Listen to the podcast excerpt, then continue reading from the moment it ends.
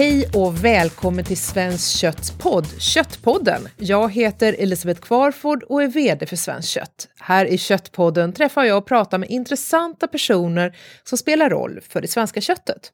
I det här avsnittet har vi med oss Lars Peder Hedberg, författare, matskribent, affärsman och mediaman och nu aktuell med att skapa ett nytt matspråk.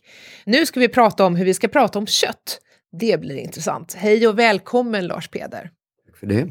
Hur skulle du vilja beskriva dig själv? Oj då, jag, jag, blev lite chockad över din långa beskrivning över allt vad jag håller på med där. Jag tänkte inte, inte undra på att jag är så trött. nej, nej, om, om jag har så mycket för mig. Ja, nej, men jag är väl i grunden beteendevetare och språkvetare och har omsatt det i lite olika projekt genom livet. Många publicistiska äventyr där några har gått åt pipan men några har, har så att säga gått vägen. Och idag så driver du eh, White Guide. Jag så, driver bland annat White Guide, mm, ja. Och White Guide är ju en, en restaurangguide, restaurang och kaféguide, eller hur? Det är en, en guide till stora upplevelser inom eh, allt som har med mat och dryck att göra. Och eh, ska väl expandera det lite utanför det så småningom, men det är ett väldigt starkt gastronomifokus. Och vi har gett ut den här guiden i Sverige i eh, 15 år och eh, det var faktiskt en spin-off av, av tidningen Gourmet. Och eh, sedan eh, fyra fem år tillbaka så ger vi ut den också i, ute i världen. Började med Danmark och nu har vi expanderat till lite andra delar och eh, finns lite varstans faktiskt. Guide Michelin som ju är då väldigt känd för sina stjärnor och, och så. Vad är, vad är likheten och vad är skillnaderna? Den stora skillnaden är ju att White Guide är en redaktionell produkt. Guide Michelin har, det är ett bedömningsprotokoll Eh, Eh, som om man kör in en bil på en verkstad och tittar på om däcken är rätt påskruvade. Ungefär så är Guide Michelin strukturerad. Och det är ju från början en, en däckfirma som egentligen eh, ville att folk skulle ut och bränna gummi på vägarna. Så man gjorde en guide i början på 1900-talet som handlade om ställen där man kunde stanna i bilen helt enkelt och få en bit mat. Med tiden har det naturligtvis utvecklats. Jag, jag talar om det här lite, lite ironiskt nu som, som du förstår. Eh, stor respekt för, för deras kompetens och, och, och, vad de har gjort under åren. Framförallt för hur skickliga de har varit i att bygga varumärke. White Guide började egentligen med att vi ville komma bort ifrån bara värdering och fokusera på deskription, på beskrivning. Vad är det du kan förvänta dig för upplevelse när du kommer till ett ställe? Sen, och, och, det kan man väl säga att där någonstans föddes även projektet Tala smak. Det initierades ju egentligen utav eh, Svenskt Sigill eller LRFs eh, kvalitetscertifieringsbolag Svenskt Sigill som kom till oss och sa så här att eh, ni arbetar så mycket med att beskriva kvalitet och hur man upplever gastronomiska eh, fenomen, livsmedel och annat. Vi jobbar väldigt mycket i vår ända i produktionsledet med att skapa kvalitet. Men vi har väldigt svårt att eh, kommunicera våra, våra framgångar och våra ansträngningar. Det beror helt enkelt på att det behövs ett, ett matspråk som är lite mer effektivt. Och ni i White Guide jobbar ju med just det. Ni jobbar med att beskriva hur det smakar. Och vi behöver hjälp med att, att eh, hitta ett sådant språk. Där någonstans började faktiskt Tala smak som är det projekt som vi ska prata om idag. Med det här Tala smak så vill ju ni skapa ett matspråk. Finns det inte matspråk idag? Jo då, det finns alldeles för många matspråk och det är en del av problemet för att eh, det finns mycket forskning som är gjord kring, kring smak och framförallt vad det är för olika kemiska ingredienser som skapar olika smak fenomen, smakupplevelser. Ner på det, molekylnivå? Ja, ner på molekylnivå. Men, men det är samtidigt väldigt ont om ord som ska fånga de här upplevelserna. Så att, att jag brukar säga att det finns 5000 eh, identifierade smakkomponenter eller smakagenter. Men det finns 15-20 ord för att beskriva de här.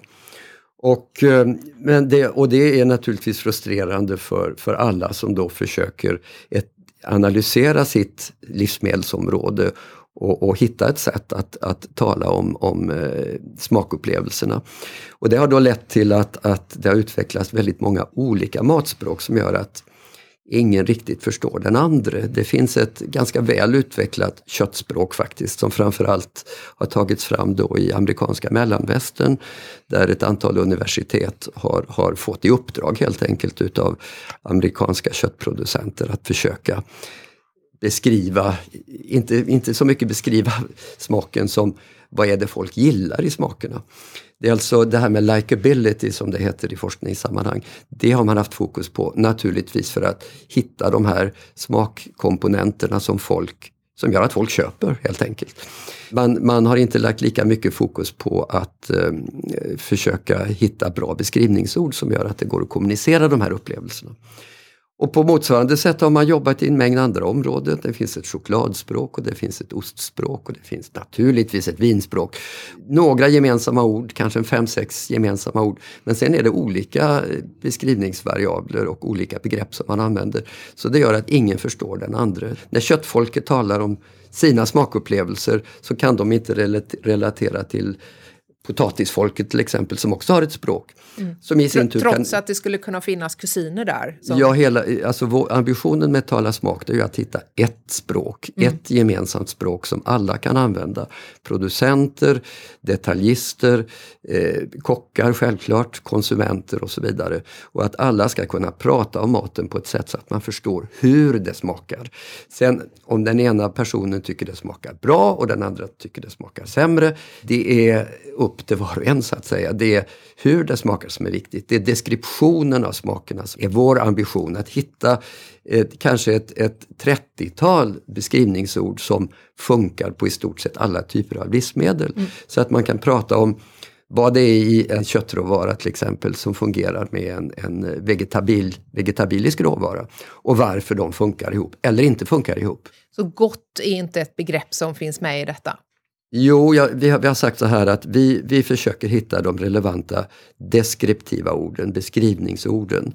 Sen kan man ha värderingsord med i, i paketet. Vi försöker i slutänden inte bara bygga en vokabulär utan vi försöker också bygga en grammatik, det vill säga hur man kombinerar orden för att det ska bli ännu mer begripligt vad saker och ting smakar. Man kan till exempel prata om olika grundsmaker, sälta och sött sötma, eller vi kan ta sötma och syra som är en vanlig kombination. Då kan man säga till exempel att sötman och syran i den här produkten är väldigt väl balanserad. Det är ju en värdering. Mm. Men det är samtidigt en beskrivning av hur de här två variablerna, eh, så att säga vilka utslag de har och hur de möter varann i, i, i vårt smakuniversum. Är jättegott det vanligaste uttrycket? Man kan ju säga så här att, att eh, som, som, redaktör för White Guide i många år så har jag fått, fått rensa många texter ifrån kraftiga värde, värdeord. Och det är klart att jättegott, det, det är ett av de vanligaste, vanligaste värdeord. Nu, har vi, nu finns inte det, det i, i White Guides recensioner längre. För där är instruktionen just beskriv hur det smakar. Om du tycker det är gott eller ej det kan vara intressant men först efter att du har gjort en, en korrekt beskrivning av så att säga vilka, vad det är som smakar och hur, hur det smakar.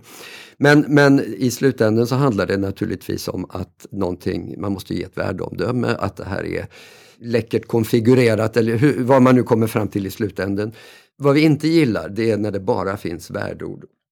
Vi har ju tyvärr en, en väldigt eh, onyanserad skala. Det är väldigt svart eller vitt. Vi tycker antingen det är jättegott eller jätteäckligt. Och, och, ett ord som jag hatar och som jag själv ibland tyvärr kommer på mig själv att använda det är ju skitgott. Det här var mm. skitgott. Och det är väl egentligen bara flugor som tycker någonting ja, är Hundar skitgott. tycker ju det också. Mm. Hundar, hundar, har tyvärr en, en liten eh, ovana att ja, krafsa i sig både det ena och det andra och bland annat då avföring. Och det var ett forskargäng i USA som faktiskt gav sig på att titta på vad smakar, vad smakar fekalier som det heter i vetenskapliga sammanhang. Mm. Och det visar sig då att det smakar ju, det är alltså fermenterat kan man säga, det är fermenterat i magsäcken med mycket marinering av magsyror och annat. Så det som kommer ut är ju egentligen eh, det är umami. Och hundar mm. gillar umami precis som vi gillar umami. Så att, att om en hund får välja mellan en fin herrgårdsost och, eller en fin, fin salami och en, en uh, skitkorv, om jag får uttrycka ett vulgärt ut, använda ett vulgärt uttryck. Så det är inte självklart att man går på salamin för att det är mer umami i skitkorven. Okej, okay, nu fick jag lära mig något nytt. Eh, är det bara svenskan som har ett fattigt matspråk? Finns det något språk i världen som har liksom ett väldigt bra, liksom mycket bra uttryck för smak? Ja, det, det, är klart att, att eh, franskan har eh, väldigt, eh, e, e, en rikare vokabulär för, för sina smakupplevelser än vad vi har. Men vi har inget, eh, jämförelsevis har vi inte särskilt mycket sämre språk än, än engelskan till exempel. Fransmännen ligger väl lite före oss och vi använder ju många utav de begreppen i, i så att säga, de har översatts och förvanskats och används i, i vårt språk också. Delikat till exempel är ju, det är ett värdeord då naturligtvis mm. men, men det är ju... I, och dör och dör är naturligtvis, och arom är, är också i, det finns säkert något latinskt ord bakom mm. arom men, men ändå så, så är det ju, franskan, franskan har ett litet försprång. Och nu håller ni på att utveckla ett matspråk, har ni tänkt att ge det ett namn? Ja, vi kan säga att tala smak är ju att vi alla ska kunna tala smak. Det är, det är ju vår yttersta ambition. Därför har vi ett tvärvetenskapligt eh, gäng kopplat till, till vårt vetenskapliga råd. Där det finns både, både psykologiska forskare och biologer och andra som då, då ger sina eh, aspekter på det hela. Men det finns också språkvetare som i slutändan ska hjälpa oss att se till att det här blir ett kommunikationsverktyg. För det är ju det alla behöver. Producenterna behöver ett språk för att kommunicera vad det är man jobbar med. För att kommunicera fördelar fördelarna med sina produkter. Och kockarna behöver det för att kunna skriva sina menyer om inte annat. Och, och vi konsumenter behöver det för att kunna välja rätt i affären och kunna välja rätt när vi tittar på en meny. Finns det ett intresse för det här? Vill konsumenterna ha det? Konsumenterna har alltid ett intresse av att välja rätt.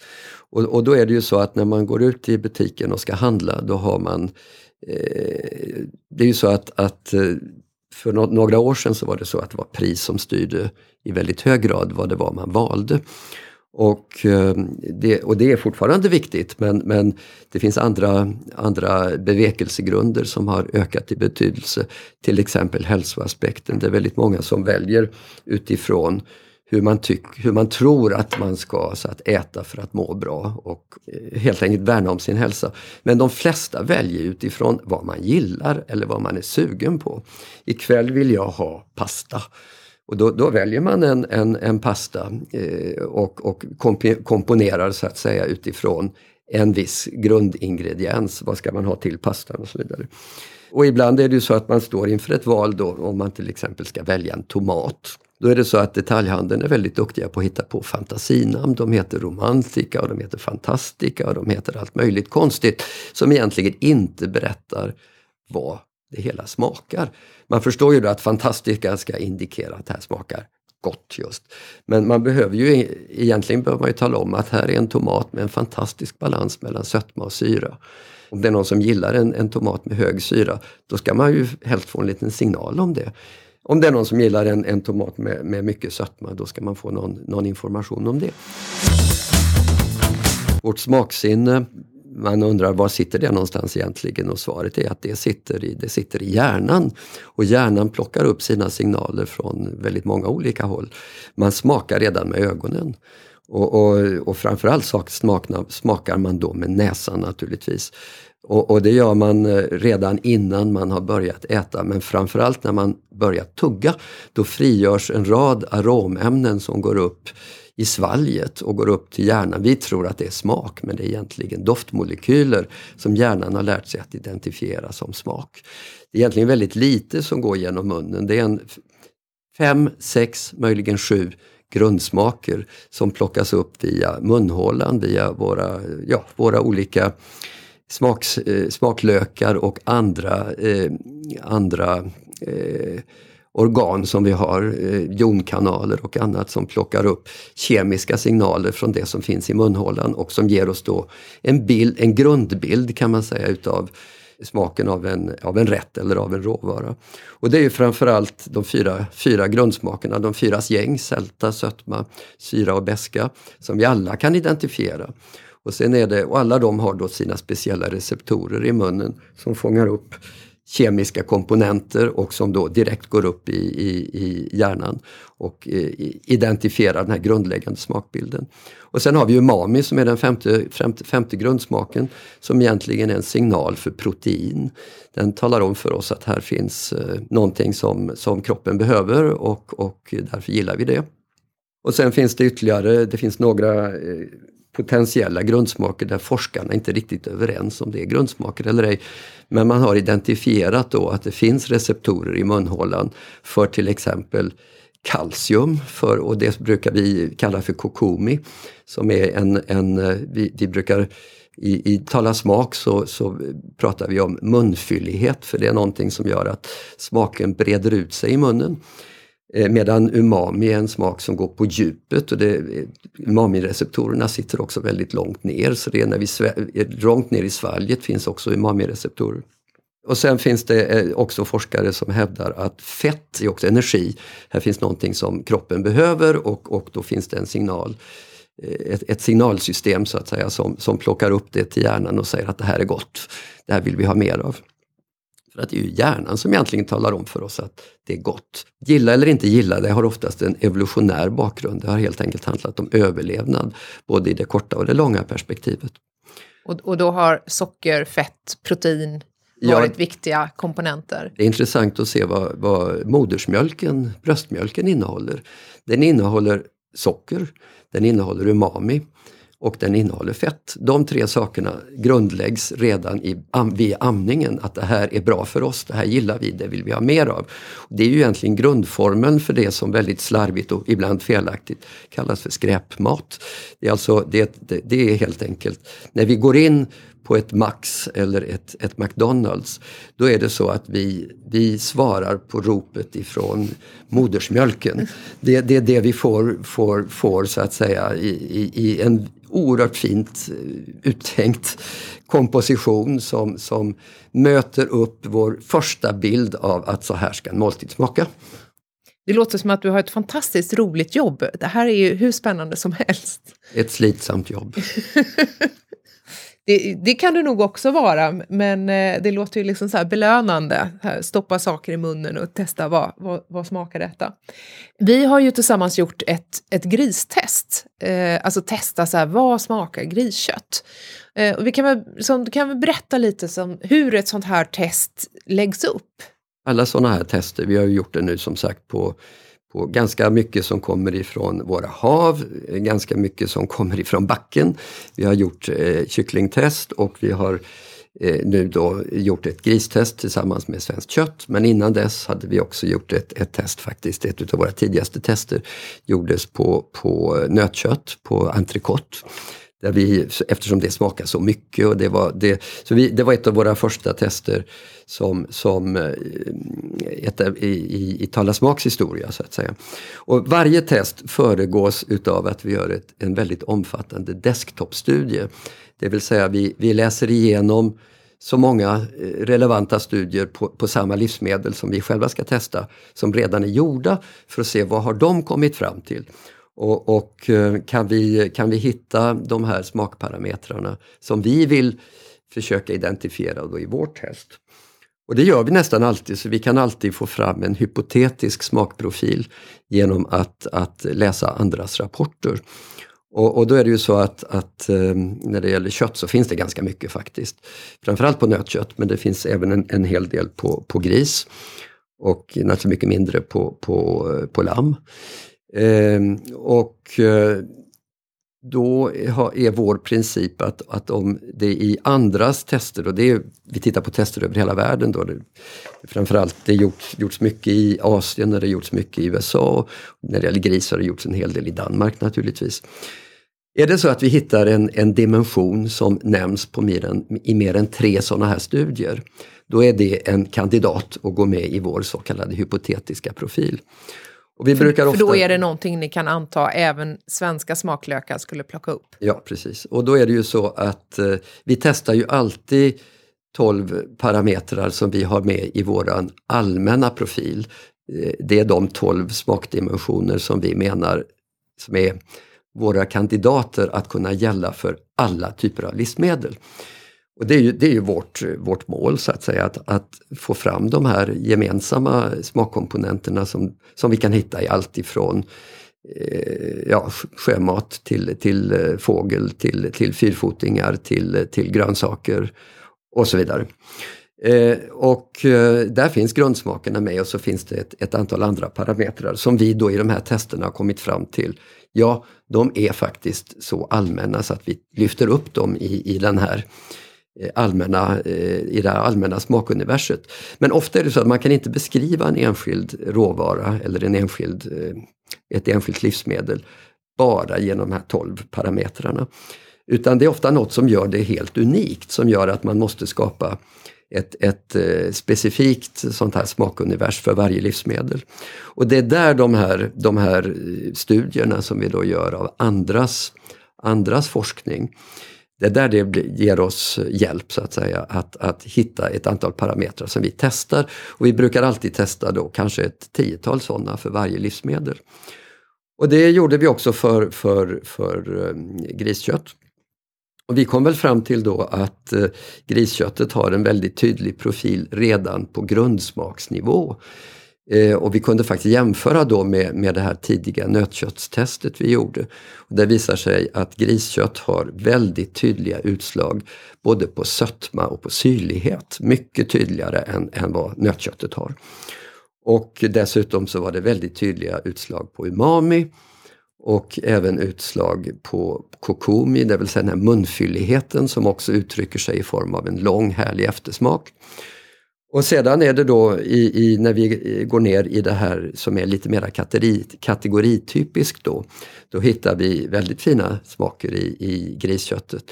Och det är ju eh, alltifrån eh, lite mejeritoner, sådär lite smörigt kan det vara ibland. Och det är även, även nötighet och det finns lite svamptoner. Det är just de tre som, som slår ut väldigt tydligt för, för grisköttet. Och tillsammans, eh, jag vet jag sa i något sammanhang inför, inför julhelgen här att grisköttet är egentligen sitt eget julgodisbord. För ah, det finns till och med lite chokladtoner om man, om man eh, tittar noga. Så det, finns, det finns nötter, det finns kolan, det finns, det finns massor av julgodis helt enkelt i, i, i grisköttets egen smakkaraktär. Och då är det ju så att, att vi gör ofta ett misstag med griskött och det är att vi kryddar det för mycket och vi lägger på, vi har för mycket tillbehör som har starka smaker. Så de här fina smakerna som finns i grisköttet, de, de försvinner oftast under matlagningen. Jag har själv ett, ett väldigt enkelt sätt att laga mat. Jag kryddar inte alls, jag lägger det bara i ugnen och låter råvaran och det, det är olika, kan vara olika styckdetaljer. Men jag låter, låter grisköttet få tala självt så att säga. Och det är ju då naturligtvis eh, Maillard-reaktionen som är, är väldigt påtaglig i, i griskött.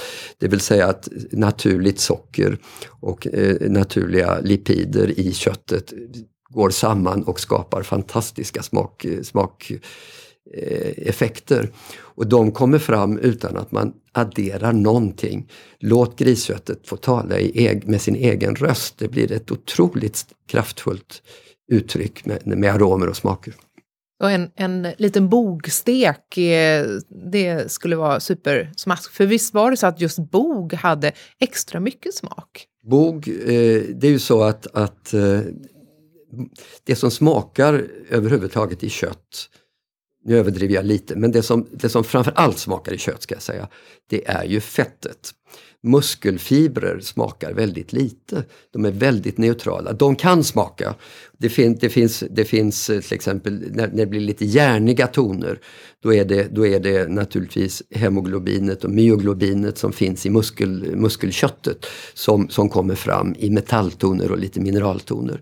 Men, men allt det här så, härligt snaskiga som vi gillar med, med framförallt med griskött, det sitter i fettet. Det är, och det sitter i det intramuskulära fettet. Och, och, och, griskött har, har ju en väldigt intressant fettsammansättning också. Vi brukar ju skära bort den yttre kanten från en fläskkotlett och det det är okej okay för att det är ett mättat fett som sitter ute i det, den vita fettranden är ett mättat fett och det är inte då så nyttigt som det intramuskulära fettet är. Det intramuskulära fettet har en mycket högre halt av omättade fettsyror och till och med fleromättade. Och, lite, och det är ju ett nyttigt kött och det är framförallt det som bär smakerna. Så att ett, ett kött med mycket intramuskulärt fett smakar mycket mer än ett magert kött. Och då är bogfläsket, det har ju, dels har det en fin kombination av vit musk, vitt muskelkött och mörkt muskelkött som också har lite olika smakkaraktärer. Det mörk, mörka muskelköttet det innehåller ju då mer järn naturligtvis för att det har fått jobba mera och behöver mera syre för att kunna göra sitt jobb. Medan det vita muskelköttet det är, mer, det är ett mera lättjefullt kött som bara ligger där och liksom tar det lugnt någonstans i köttkroppen. Det, det, är helt enkelt eh, också lite latare på smaksidan. Det, det, har inte samma aktiva aromämnen helt enkelt. Men utifrån den smakpalett för, för griskött som togs fram, kan man då hitta nya smakkompisar som man kanske inte har identifierat tidigare för man inte reflekterat över att det där skulle kunna passa bra med griskött? Ja, det, det, det skulle man nog kunna göra. Ett, några av våra första tester handlade om eh, torsk. Testade olika former av torsk och, och, och olika ärtor. Eh, och eh, vad som var intressant då det var ju att se hur de här profilerna funkade tillsammans. Det är ju så att vi alla älskar kokt torsk, gröna ärtor och lite smält smör ovanpå. Och när man tittar på de här tre komponenterna så förstår man precis varför. För att de möter varann i vissa grundsmaker. Till exempel, det finns, det finns faktiskt en lätt sötma i, i torskköttet också. Och, och framförallt svenska ärtor har ju drivit sötman väldigt hårt. Och smöret, ett skirat smör, där frigörs eh, en fantastisk sötma. Så de här tre gifte sig på något sätt i, på en plattform av sötma och så kunde de spela ut sina respektive egna smaker oerhört harmoniskt runt den här gemensamma plattformen. Så det var lätt att förstå varför vi alla gillar torsk, ärtor och sötma. Eh, och, och, eh, och smör. Och det tror jag man kan göra på, på ganska många eh, råvaror och, och när det gäller gris, grisköttet då så är det ju, alltså torsk är ju ytterligare en, det är ju en råvara som smakar väldigt lite. Och, och gris smakar ju egentligen, eh, Eh, man kan säga kyckling är en annan råvara som smakar väldigt lite så där är det ju så att när vi säger att vi gillar kyckling så är det ofta så att vi gillar en viss kycklingrätt. Det vi själva har smaksatt, det vi själva har jag gillar currykyckling. Currykyckling kan man säga till exempel. Men då är, det, då är kycklingen borta så att säga i den smakbilden för att det är curryn som smakar. När det gäller fläsk så är det ju, när det är gris överhuvudtaget, så har det så mycket egen inneboende smak. Men jag tycker att ett exempel på att grisen står så bra för sig själv, det är ju en, en kokt skinka.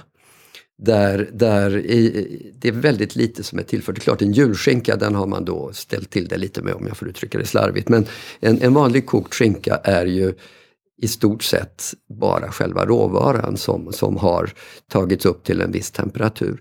Så att den är oförstörd i stort sett i, sin, i, i, i sina smaker.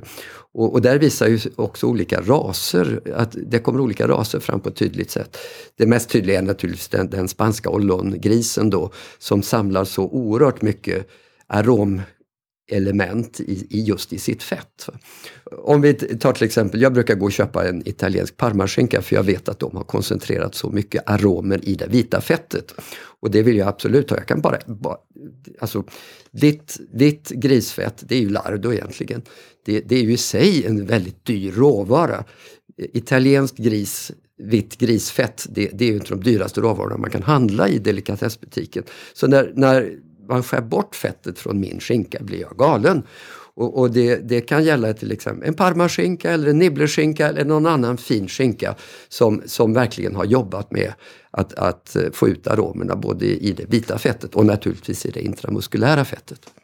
Eh, för den som lyssnar på Köttpodden nu och som kanske tänker så här, hmm, nästa gång jag äter middag då ska jag fundera på vad saker och ting smakar och, och så. Vad, är det, vad har du för tips till den som kanske själv mm. vill utveckla sitt eget matspråk utöver gott, jättegott? Mitt, mitt grundtips är ju att låta råvaran tala för sig själv. När, to, när råvaran har någonting att ge, som grisen har, då, då tycker jag man inte ska laga sönder råvaran. Då ska man låta den eh, uttrycka sin, sina egna, sin egen aromprofil. Och det gör man enklast genom att, att lägga den i ugnen helt enkelt. Mm. Och för då får man, Maillardprocessen är ju ett eh, Guds gåva till, till, eh, till oss alla. Där, där eh, socker och, och fetter så att säga ingår i en otrolig lyckosam förening och, och skapar nya, eh, nya aromer som kan se olika ut från tillagningstillfälle till tillagningstillfälle dessutom. Beroende på att råvaran har lite olika grund, grundförutsättningar. Men om man kryddar för mycket, jag lägger aldrig salt på, på min mat för jag vill att den naturliga sältan ska komma fram. I alla fall gör jag aldrig det innan jag har smakat. Sen, sen kan man kanske addera salt och, och lite peppar. Men, men det är ingen tillfällighet att, att många kombinerar det med lite röksmak. Att det finns en liten rökighet i en sås eller alltså en barbecue-sås eller någonting sånt. Och det, det, det klarar ju inte vilken råvara som helst utan det måste vara en råvara som har stark egen karaktär som grisköttet har.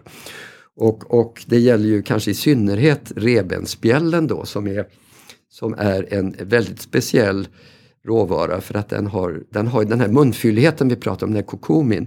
Den kommer ju ofta ifrån från bindväven, ifrån kollagenet som är ett protein men, men som då sitter i väldigt hög ansamling kring, kring benen och mellan benen. Så att revbensspjällen är egentligen också ett litet underverk som Gud har skapat åt oss.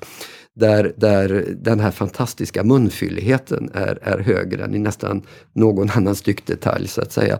Och, och ehm, eh, där den här munfylligheten bär fantastiskt kraftfullt olika eftersmaker som allt det vi känner i, i grisens egen smakprofil, det blir extra tydligt i revbensspjällen för att, att kokomin, alltså munfylligheten som baseras på bindväven, den gör detta extra tydligt. Det blir liksom en, en ett slags eh, tavelduk som, som smakerna, aromerna målas upp på.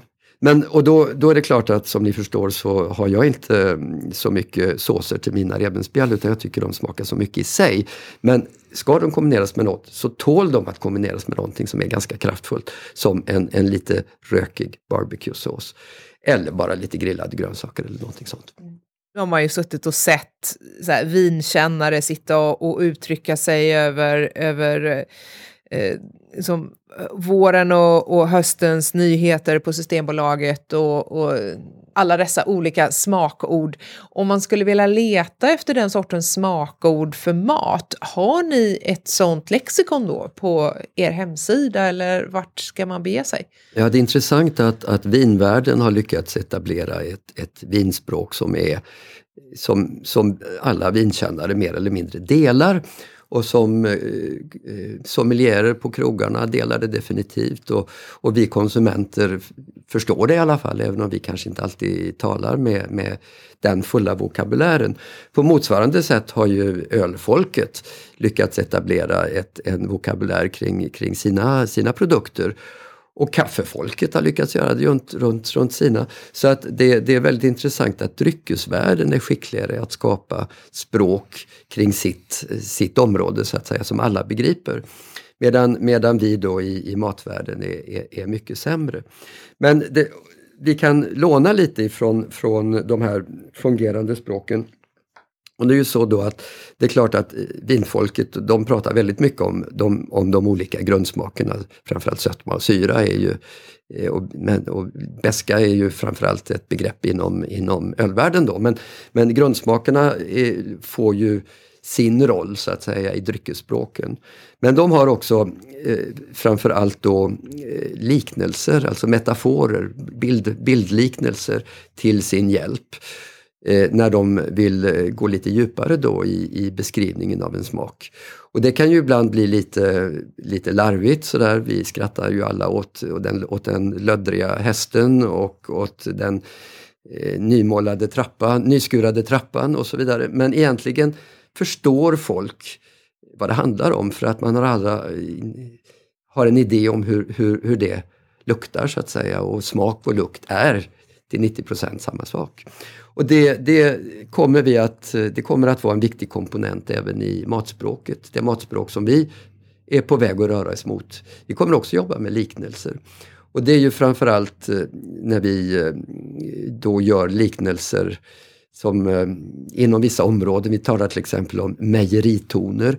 Ja, det är att det kan låta, kännas lite, det kan vara lite gräddiga toner, det kan vara lite smörigt, det kan vara lite lattekaraktär över eh, Eh, ja, vissa, vissa animaliska råvaror har lite lattekaraktär till exempel inom, inom fiskvärlden. Och, och, alla eh, kan hyggligt väl relatera till sådana liknelser. Svampvärlden är samma sak. Det, det här champinjontoner, Karl Johans-toner. Alla förstår lite vad det handlar om och svamptoner har vi just i, i grisköttet. Det finns ganska rejält av det faktiskt. Och sen har vi naturligtvis eh, även eh, nöttoner är, är väldigt tungt. Vi har ju ett gäng av, av eh, totalt 20 väldigt skickliga testare som deltar i våra tester och vi brukar ha tio med varje gång. Några av dem är extremt skickliga på att hitta just nöttoner. Det finns en av våra testare som prickar in varenda nöt. Här, här finns en liten karaktär av paranöt, här finns typisk, typisk mandel, här finns lite pinjenöt och så vidare. Och, då, och det är ju associationer som är väldigt relevanta till de flesta livsmedel och som de flesta också kan relatera till. Inte hur en paranöt smakar, det, det vet jag knappt själv, men mandeltoner och hasselnötstoner, det, det, är sånt som de flesta utav oss kan ta. Så att säga. Så att det här att jobba med liknelser, det är en, en, en teknik ifrån vinspråket som med all sannolikhet kommer att ingå i, i vårt förslag till ett matspråk. Nu när, när det håller på att skapas ett matspråk, hur ska det föras ut? Ja, det, det är ju en uppgift som eh, kommer att ligga på producenterna och på producentorganisationerna i samarbete förhoppningsvis med journalister som tycker att de här får ett hjälpmedel att göra sitt jobb. Ja, och den som vill läsa mer om hur griskött smakar kan gå in på Svenskt Kötts hemsida och just söka på Tala smak så ligger den rapporten där över hur vi gjorde och eh, vad just griskött smakar, mer än vad ni har fått höra här idag. Idag har vi fått lära oss att skitgott är inte alls irrelevant ord att använda, åtminstone inte om man är hund. Eh, vi har fått lära oss att eh, enligt Lars Peder så ska griskött tillagas i ugn och avnjutas som den fantastiska råvara som det är. Och att vi ska alla försöka att smaka lite mer, fundera på vad det är vi känner och leta efter var hittar du de här olika smakerna någonstans. Prova det nästa gång du äter, du kanske blir överraskad. Synpunkter och tips tar vi gärna emot på sociala medier. Vi finns på Twitter, Instagram, Facebook där vi heter Svenskt kött. Tyckte du om Köttpodden så sätt gärna ett betyg eller skriv en recension på iTunes eller där du hittar oss. Vi hörs snart igen.